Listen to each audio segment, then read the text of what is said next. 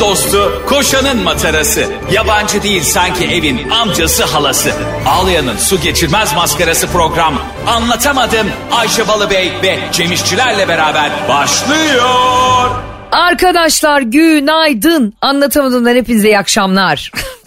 İyi akşamlar. Çünkü artık günaydın dedikten sonra iyi akşamlar deyip daha kapsayıcı bir dil kullanıyorum Cemo. Çünkü podcast'ten bizi anlatamadığımı dinleyen çok kişi var. O zaman Ayşe şöyle bir yayın mı yapacağız? Arkadaşlar tünaydın arkadaşlar iyi akşamlar arkadaşlar iyi geceler arkadaşlar ne ne yani 40 tane e, kim ne zaman açarsa o zaman dinler Ayşe. Hayır ama şimdi şöyle bir dil gerekiyor ki yani e, bu hatırlıyorsan eğer Emel Sayın sahneye çıktığında konserlerinde şöyle bir şey yapar. İnsanları ve e, onu dinleyenleri hoş tutmak için. Gülmek sana yakışıyor şarkısını. Gülmek size yakışıyor. Yani onun sevgisine değil de sanki gelen halka söylemiş gibi yaparak bu insanlar yıllarca baş tacı oldular. Ben de dinleyicimize daha kapsayıcı bir dil kullanarak daha çok insana hitap etmek istiyorum ve ben bundan sonraki seçimlerde belediye başkan aday adayıyım. Ama Türkiye'den değil. Peki Emel Sayın o konserine şöyle yaptı mesela. Gülmek size yakışıyor. Sen değil abi şu arkadaki bıyıklı. Ha patlamış mısır yani. Sen yeme abi ağzın patlamışsın bir gülüyorsun önündekinin bütün saçı pat- şey oldu be mısır oldu be. Dese ya. Ya çok güzel. Bu arada Emel Sayın'ın muhakkak sen de bir sürü insan gibi Türk filmlerinde izlemişsindir. İşte Mavi Boncuklar, Yalancı Yarimler falan. O filmlerde hep eski filmlerde şöyle bir şey dikkatini çekiyor mu hiç Cemo? Bu eski filmlerde böyle Amerikan tipi eski arabalara biner ya bazen. Tarık Akan'la Emel Sayın bir yere gidecek. Evet. O araba giderken asla gitmez ve hayvan gibi arkadan birileri sallıyor ya. Arabada sanki zelzele oluyor. Bir de böyle aksiyon sahnelerinde arabanın çekici çekici de olduğu çok belli mesela yukarıda böyle. Ya evet ya. Ba- Baya böyle gö- yani yanından geçen arabanın tavanı gö- gözüküyor sadece böyle şey üst tarafı gözüküyor. Bir de böyle o e, hatırlarsan o Emel Sayın'ın Tarık Akanlı filmlerde Tarık Akan arabayı kullanıyor. Tabii arkadan reji dört kişi arabayı sallıyor. Tarık Akan nasıl bir araba kullanmaksa o artık ehliyeti manavdan mı almış ne yapmışsa sürekli Emel Sayın'a bakarak ve onunla konuşarak gidiyor o yolu. Yani o kadar belli ki çekicilik. evet hiçbir şekilde mesela normalde araba kullanan biri değil mi? Dikiz aynasına bakar her yere bakar. Hiçbir yere bakmay. Sadece önüne bakıyor ve yanındakine bakıyor. Oğlum bir bak bakalım solundan bir araba geçiyor sağına bir kornaya bas. Ya bir yaşa ya. Öyle ki oturdukları çok belli ya. Çok ya yani trafiğe kapalı alanda çeksen bile kaldırıma mı çıkacağım diye bir yan gözle yola bakarsın yani anladın mı? Bir de ona bakarken Emel Sayın da sanki daha önce hiç kimsenin yanında co-pilotluk yapmamış gibi ona yalancı yalancı yalancı yarim. Ya hanımefendi şoförün yanına oturuyorsun niye dikkat dağıtıyorsun sürekli? Aynen zaten fıstık gibi güzelsin sesin güzel kendin güzel kokun güzel kıyafetin güzel oturmuşsun dikkatini arabadan inince ya inince söyle şu şarkıyı kardeşim. Bir de bu eskiden e, minibüs şoförlerinin yani ya daha çok böyle filmler dizilerde olurdu.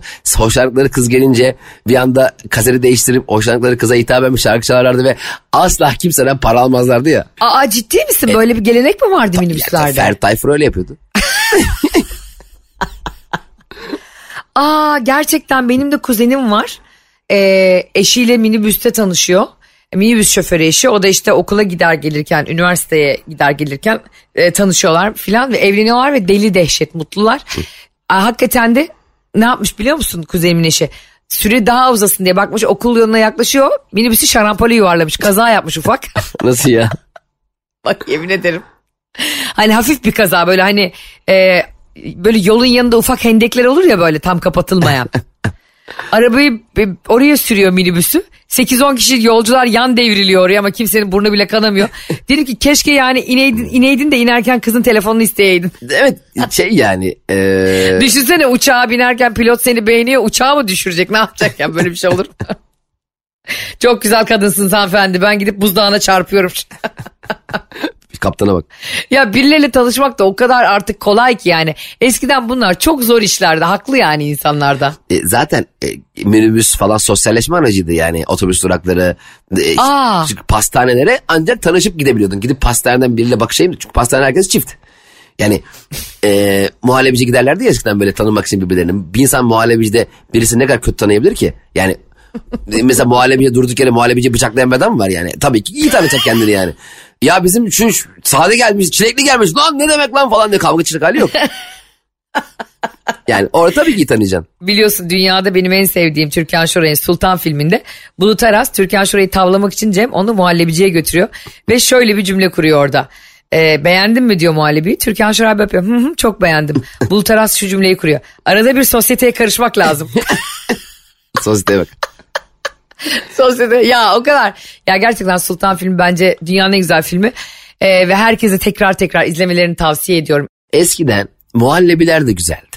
Şimdi bakıyorum Bravo. muhallebi e, o kadar çok çeşitli var ki. Yani üzerine hangi meyveyi bulmuş atmışlar. Çileklisi, orman. Bir kere orman meyvesi ne Bör. demek ya? Ya diğer Bravo meyveler ya. e, otobandan mı çıkıyor?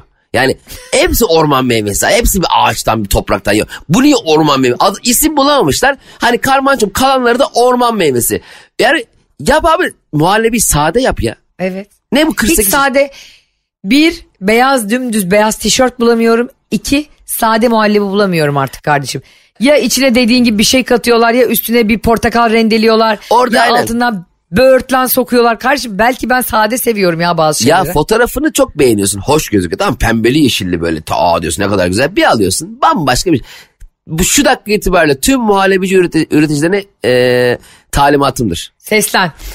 Ee, bu arada İzmir'de ve Alaçatı'da ve bir sürü yerde çok güzel muhallebi e, zinciri olan kardeşlerimiz bizim çok iyi dinleyicilerimiz Evet hemen hemen şu anda bizi dinleyen tüm işe... Onlar da El- Elif Su ile Eren onlara buradan selam gönderelim. Mu- Muhallebi markasını vermeyelim ismini Tamam. ama çok seviyorlar anlatamadığımı çok dinliyorlar. Okey. Ben yediğim en güzel muhallebileri de onların dükkanlarında yedim bu da doğru. Hemen Elif Su ve Eren hemen şu anda hemen açıyorsunuz buzdolaplarını. Çilekli, orman meyveli, yok fı- fıstıklı fındıkları. Varsa eğer varsa. Derhal tüketiyorsunuz. Atmak yok. Haramdır. Olmaz. Atılmaz.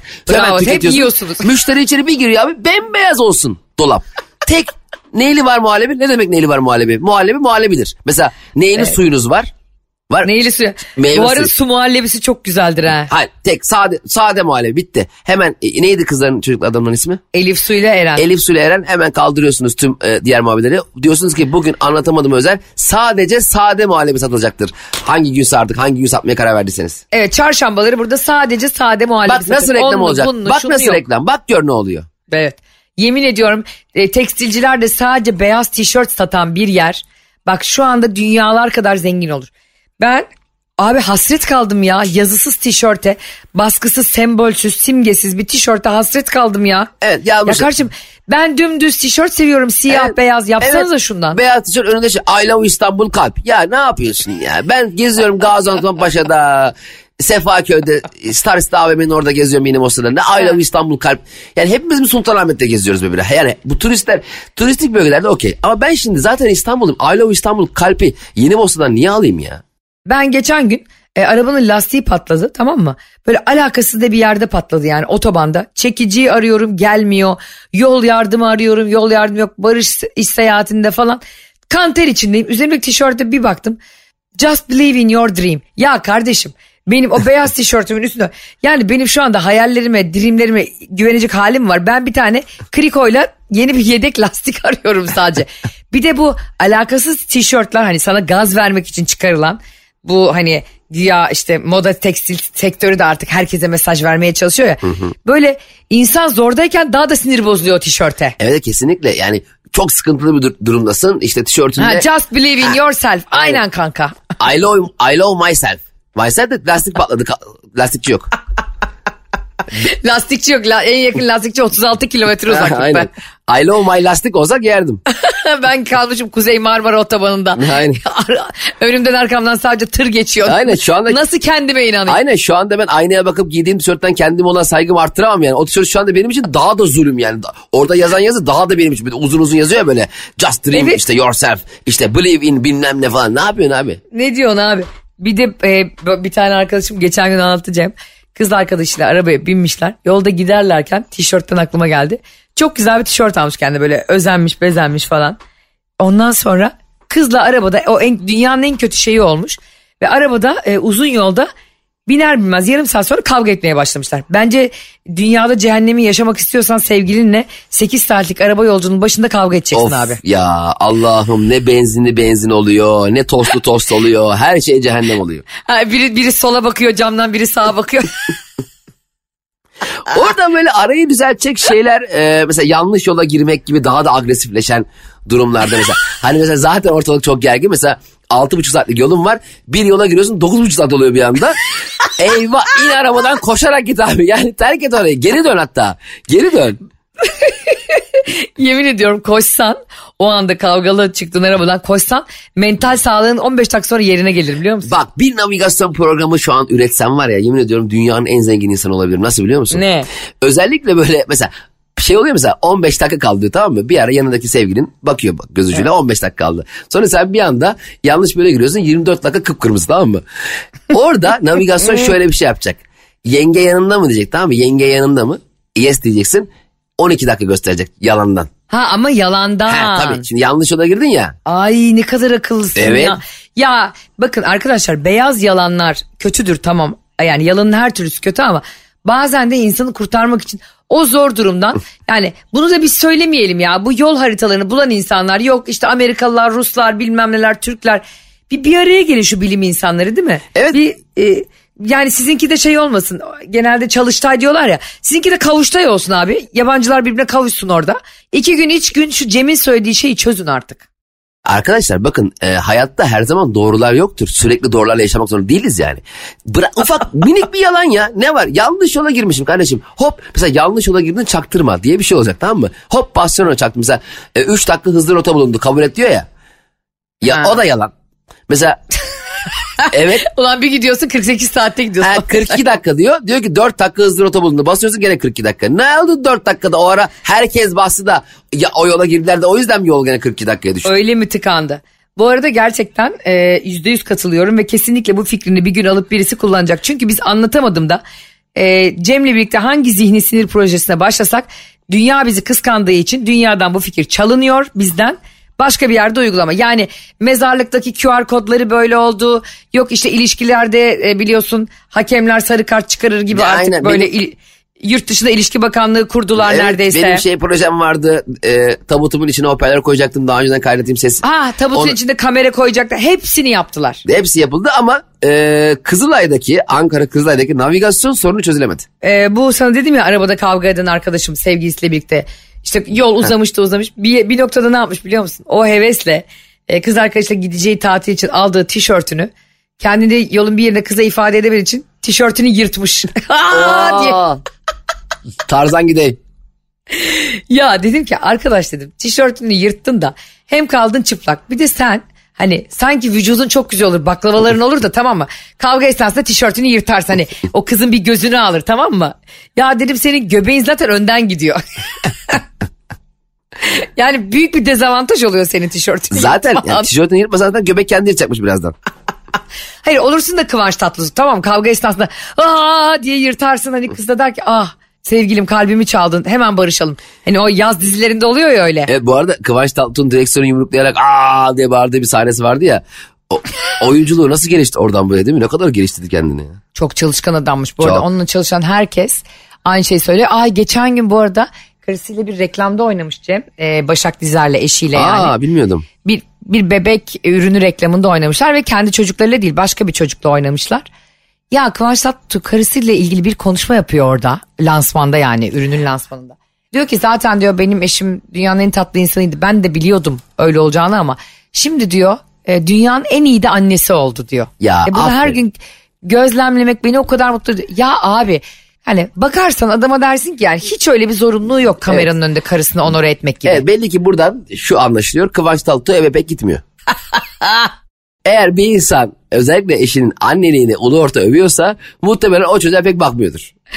Ya sen ne kadar Evet. fesat bir insansın. Hayır, ya sen hem kıskanç hem de fesat. Hayır bak kesinlikle Kıvanç Tatlıtuğ çok yüksek ihtimal. Çocuğu kaç yaşında bilmiyorum. Çok küçük mü hani 1-2-3 yaşında mı bilmiyorum da. Eğer küçükse çocuğu muhtemelen e, evde şöyle bir muhabbet geçti. Kıvanç çocuğun altını bir bezler misin aşkım ben lavabodayım e, dedi. Kıvanç da orayı bir açtı. Aman Allah'ım bu benim çocuğum mu? Çocuğumu tanıyamadım deyip e, bebeğim sen çıkana kadar e, beklesin bence biraz daha dayanabilir. Ben pudra getireyim sana gibi bir şey oldu ve birdenbire dedi ki Kıvanç Tatlıtuğ benim eşim dünyanın en güzel annesidir. Yani böyledir. ben bunları yaşadım. Yani Kıvanç bana anlatma. Nerede yaşadın ya? Sen de ay, hayatının bana söyler misin? Hangi aşamasında bunları yaşadın? Lütfen artık Türk halkını bu konuda e, ve yurt dışında yaşayan anlatamadımcı kardeşlerimizi aydınlat. Bakü'de, Los Angeles'ta, Houston'da, Texas'ta, İspanya'da, e, İngiltere'de bizi nerede dinleyenler varsa lütfen Cem İşçileri podcast'ten dinliyorsunuzdur şu an eminim.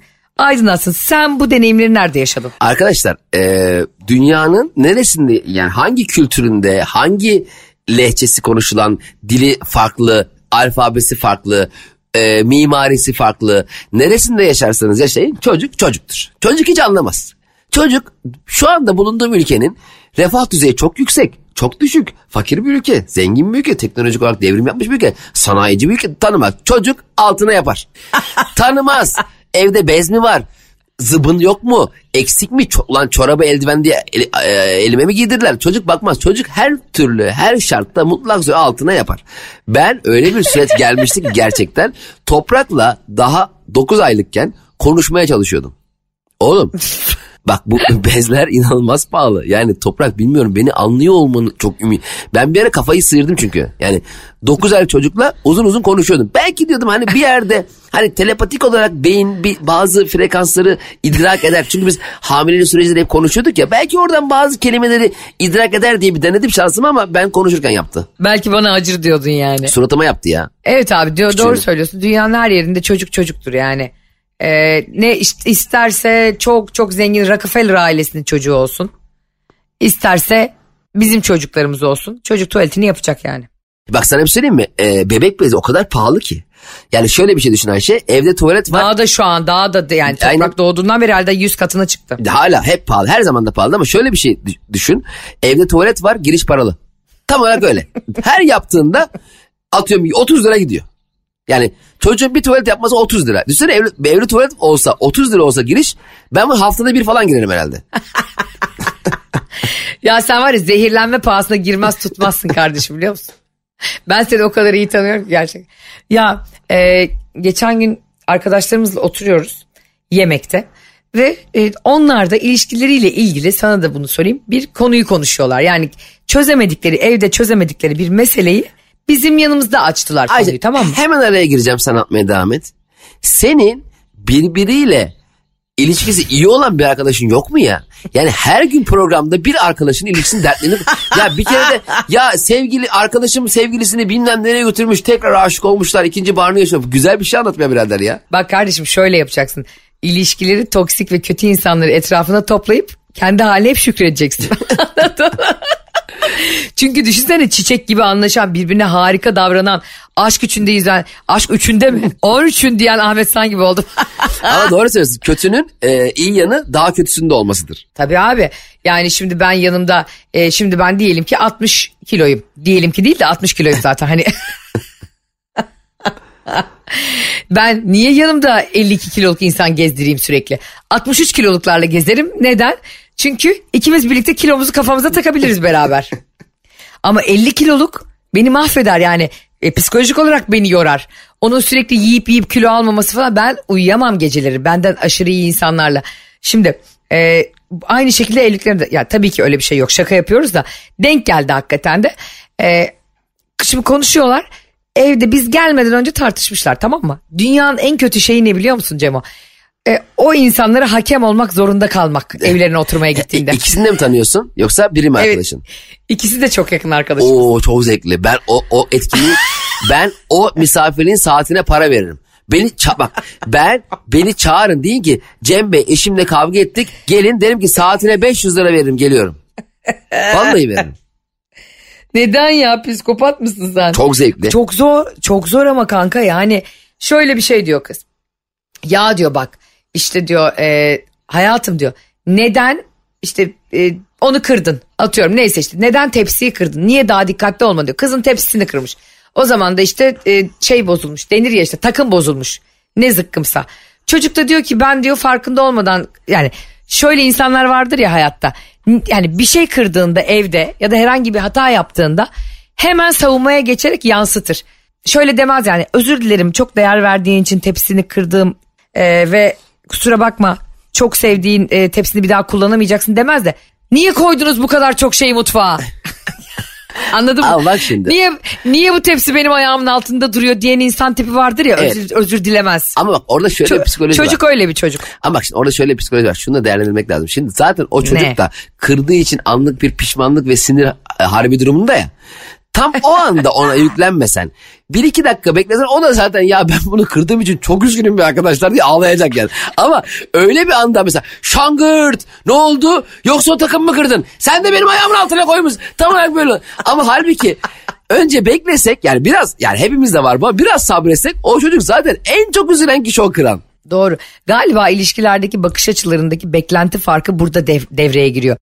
Şunu bileceksin aslında ben kıza da söyledim. Ya hepimiz insanız bir şeyleri kırabiliriz elimiz de çarpabilir. Çocuk ne diyor biliyor musun? Ben çocuğu kurtarmaya çalışırken çocuk yapıyor. Zaten tepsi de pleksiydi. Ya sus diyorum.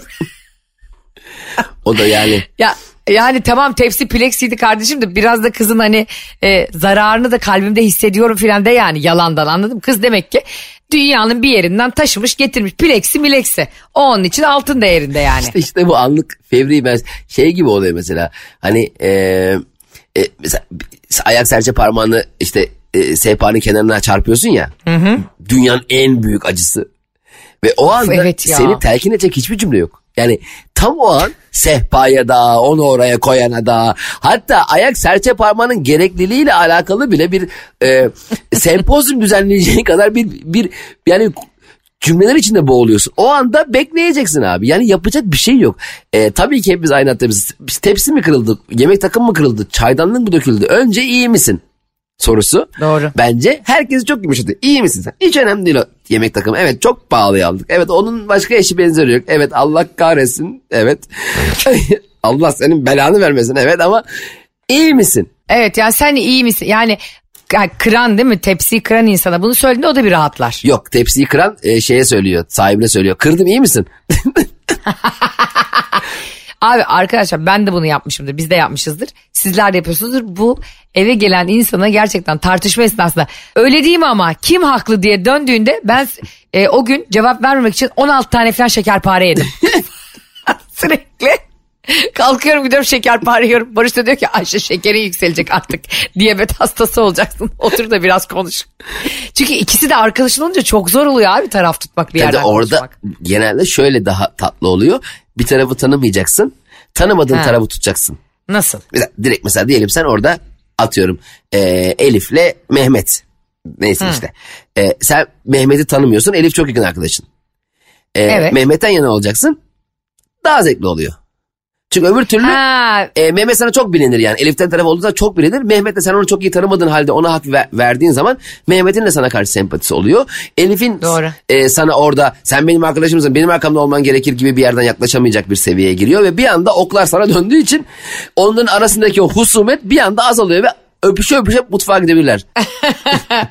çok tartıştığın bir an e, şey çok güzel oluyor. İyi anlaşan bir çiftin yanına gitmek ve onlarla buluşmak. ha, evet. O böyle o gerginliğini o kadar güzel nötralize ediyor ki. Mesela bakıyorsun ya ne saçma ya bir tepsi yüzünden mi kavga ettik ya da arabada trafik yüzünden mi tartıştık diyorsun. Hani bakıyorsun onlar mutlu e, mutlu olma ihtimali de var. Yani beklentini aza düşürdüğünde ama ben bunu yapabiliyor muyum? Asla. Allah, Allah, mümkün değil. Ben ben mutlu çiftin yanına gittiğim zaman böyle yapıyorum. Bak biz de böyle olabilirdik şunu yapmasaydık. Ya bunlar da mutlu ama bize böyle gösteriyorlar mutlu diye. Şimdi e, evet gerçekten Cem İşçilerin de söylediği gibi kendimi ben de sorguluyorum. Benim hiç mutlu arkadaşım yok mu? Çok var Allah'a şükür. Öyle bir derdim yok. Cem İşçilerin de çok fazla arkadaşı var. Ona kimono giydirip Star TV'de program çektirecek kadar. Bu çok soruldu. E, geçen yayında konuşmayı unuttuk sanmayın. B12 e, alıyorum düzenli olarak artık kafam yerinde. Neyini anlamadım Cem ben, ne İşçiler sen sen o kimonoyu niye giydin o gün ya? Hidayet adlı arkadaşın. Ha onu, onu mu sen onu bir kere o sana nereden geldi hiç fikrim yok. Biz e, bir televizyon e, kanalına bir e, içerik çalışmıştık. E, Aa, nerede uzak doğuda mı çekiliyordu? Şangay'da. hayır, o olay hikaye? ne biliyor musun? Biz şöyle bir şey yapmıştık. E, fıkralarla Almanya diye bir skeç çekmiştik. Sos çok komikti ya.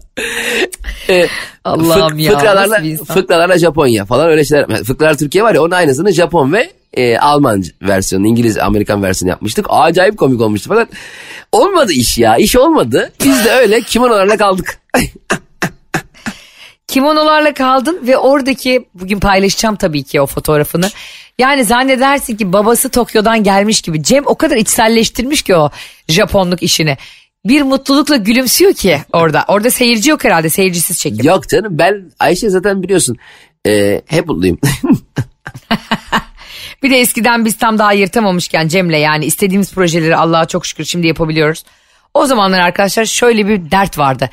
E, bir şey anlatırdın yapımcıya ya da bir insana bir şey anlatırdın. Gel bunu yap demezdi.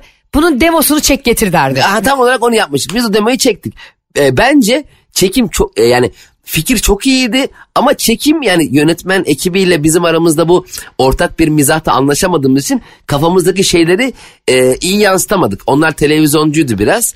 Biz tabii biraz daha mizah çok iyi kişiler vardı ekipte. E, çok güzel bir fikir ürettik ama e, güzel Tam yansıtamadık. onu gerçekleştiremedik. Ayşe herhalde. onun bir de bir e, karar toplantısı vardı tamam mı? Kurgulamışlar heyecanla izliyoruz. O kanalın e, şey yöneticileri, bizim patron falan filan. Ya, kurguyu bir kötü yapmışlar. Allah'ım ya. Ya bir şey bir kötü kurgu Titanic'i bile izletmez. Bak kötü kurgu Yavuz Turgul'un Eşkıya filmini ver ben kurgulayayım. Yavuz Turgul der ki Allah benim belamı versin bu ne hiç film. Yani Çok doğru. O yüzden Biz çok de bu anlamda olmuştu. mesela çok şanslıyız Fatih'le çalıştığımız için. Bir kesin kere daha teşekkür ederim. mükemmel ya, ya karnavalda gerçekten inanılmaz bir şey sistemi var yani dijital e, ses dünyası nedir bunun adı bilmiyorum hani mesela e, kayıt ses e, dünyasındaki ekipmanlar olarak ve editörel anlamda müthiş bir profesyonellik var biz o konuda çok şanslıyız abi. Gerçekten öyle. Ee, o yüzden Karnaval'a, Metro FM'e, e, bizi size ulaştıran herkese çok teşekkür ediyoruz bir kez daha. Evet. Gerçekten de hayatta şey çok kötü bir his.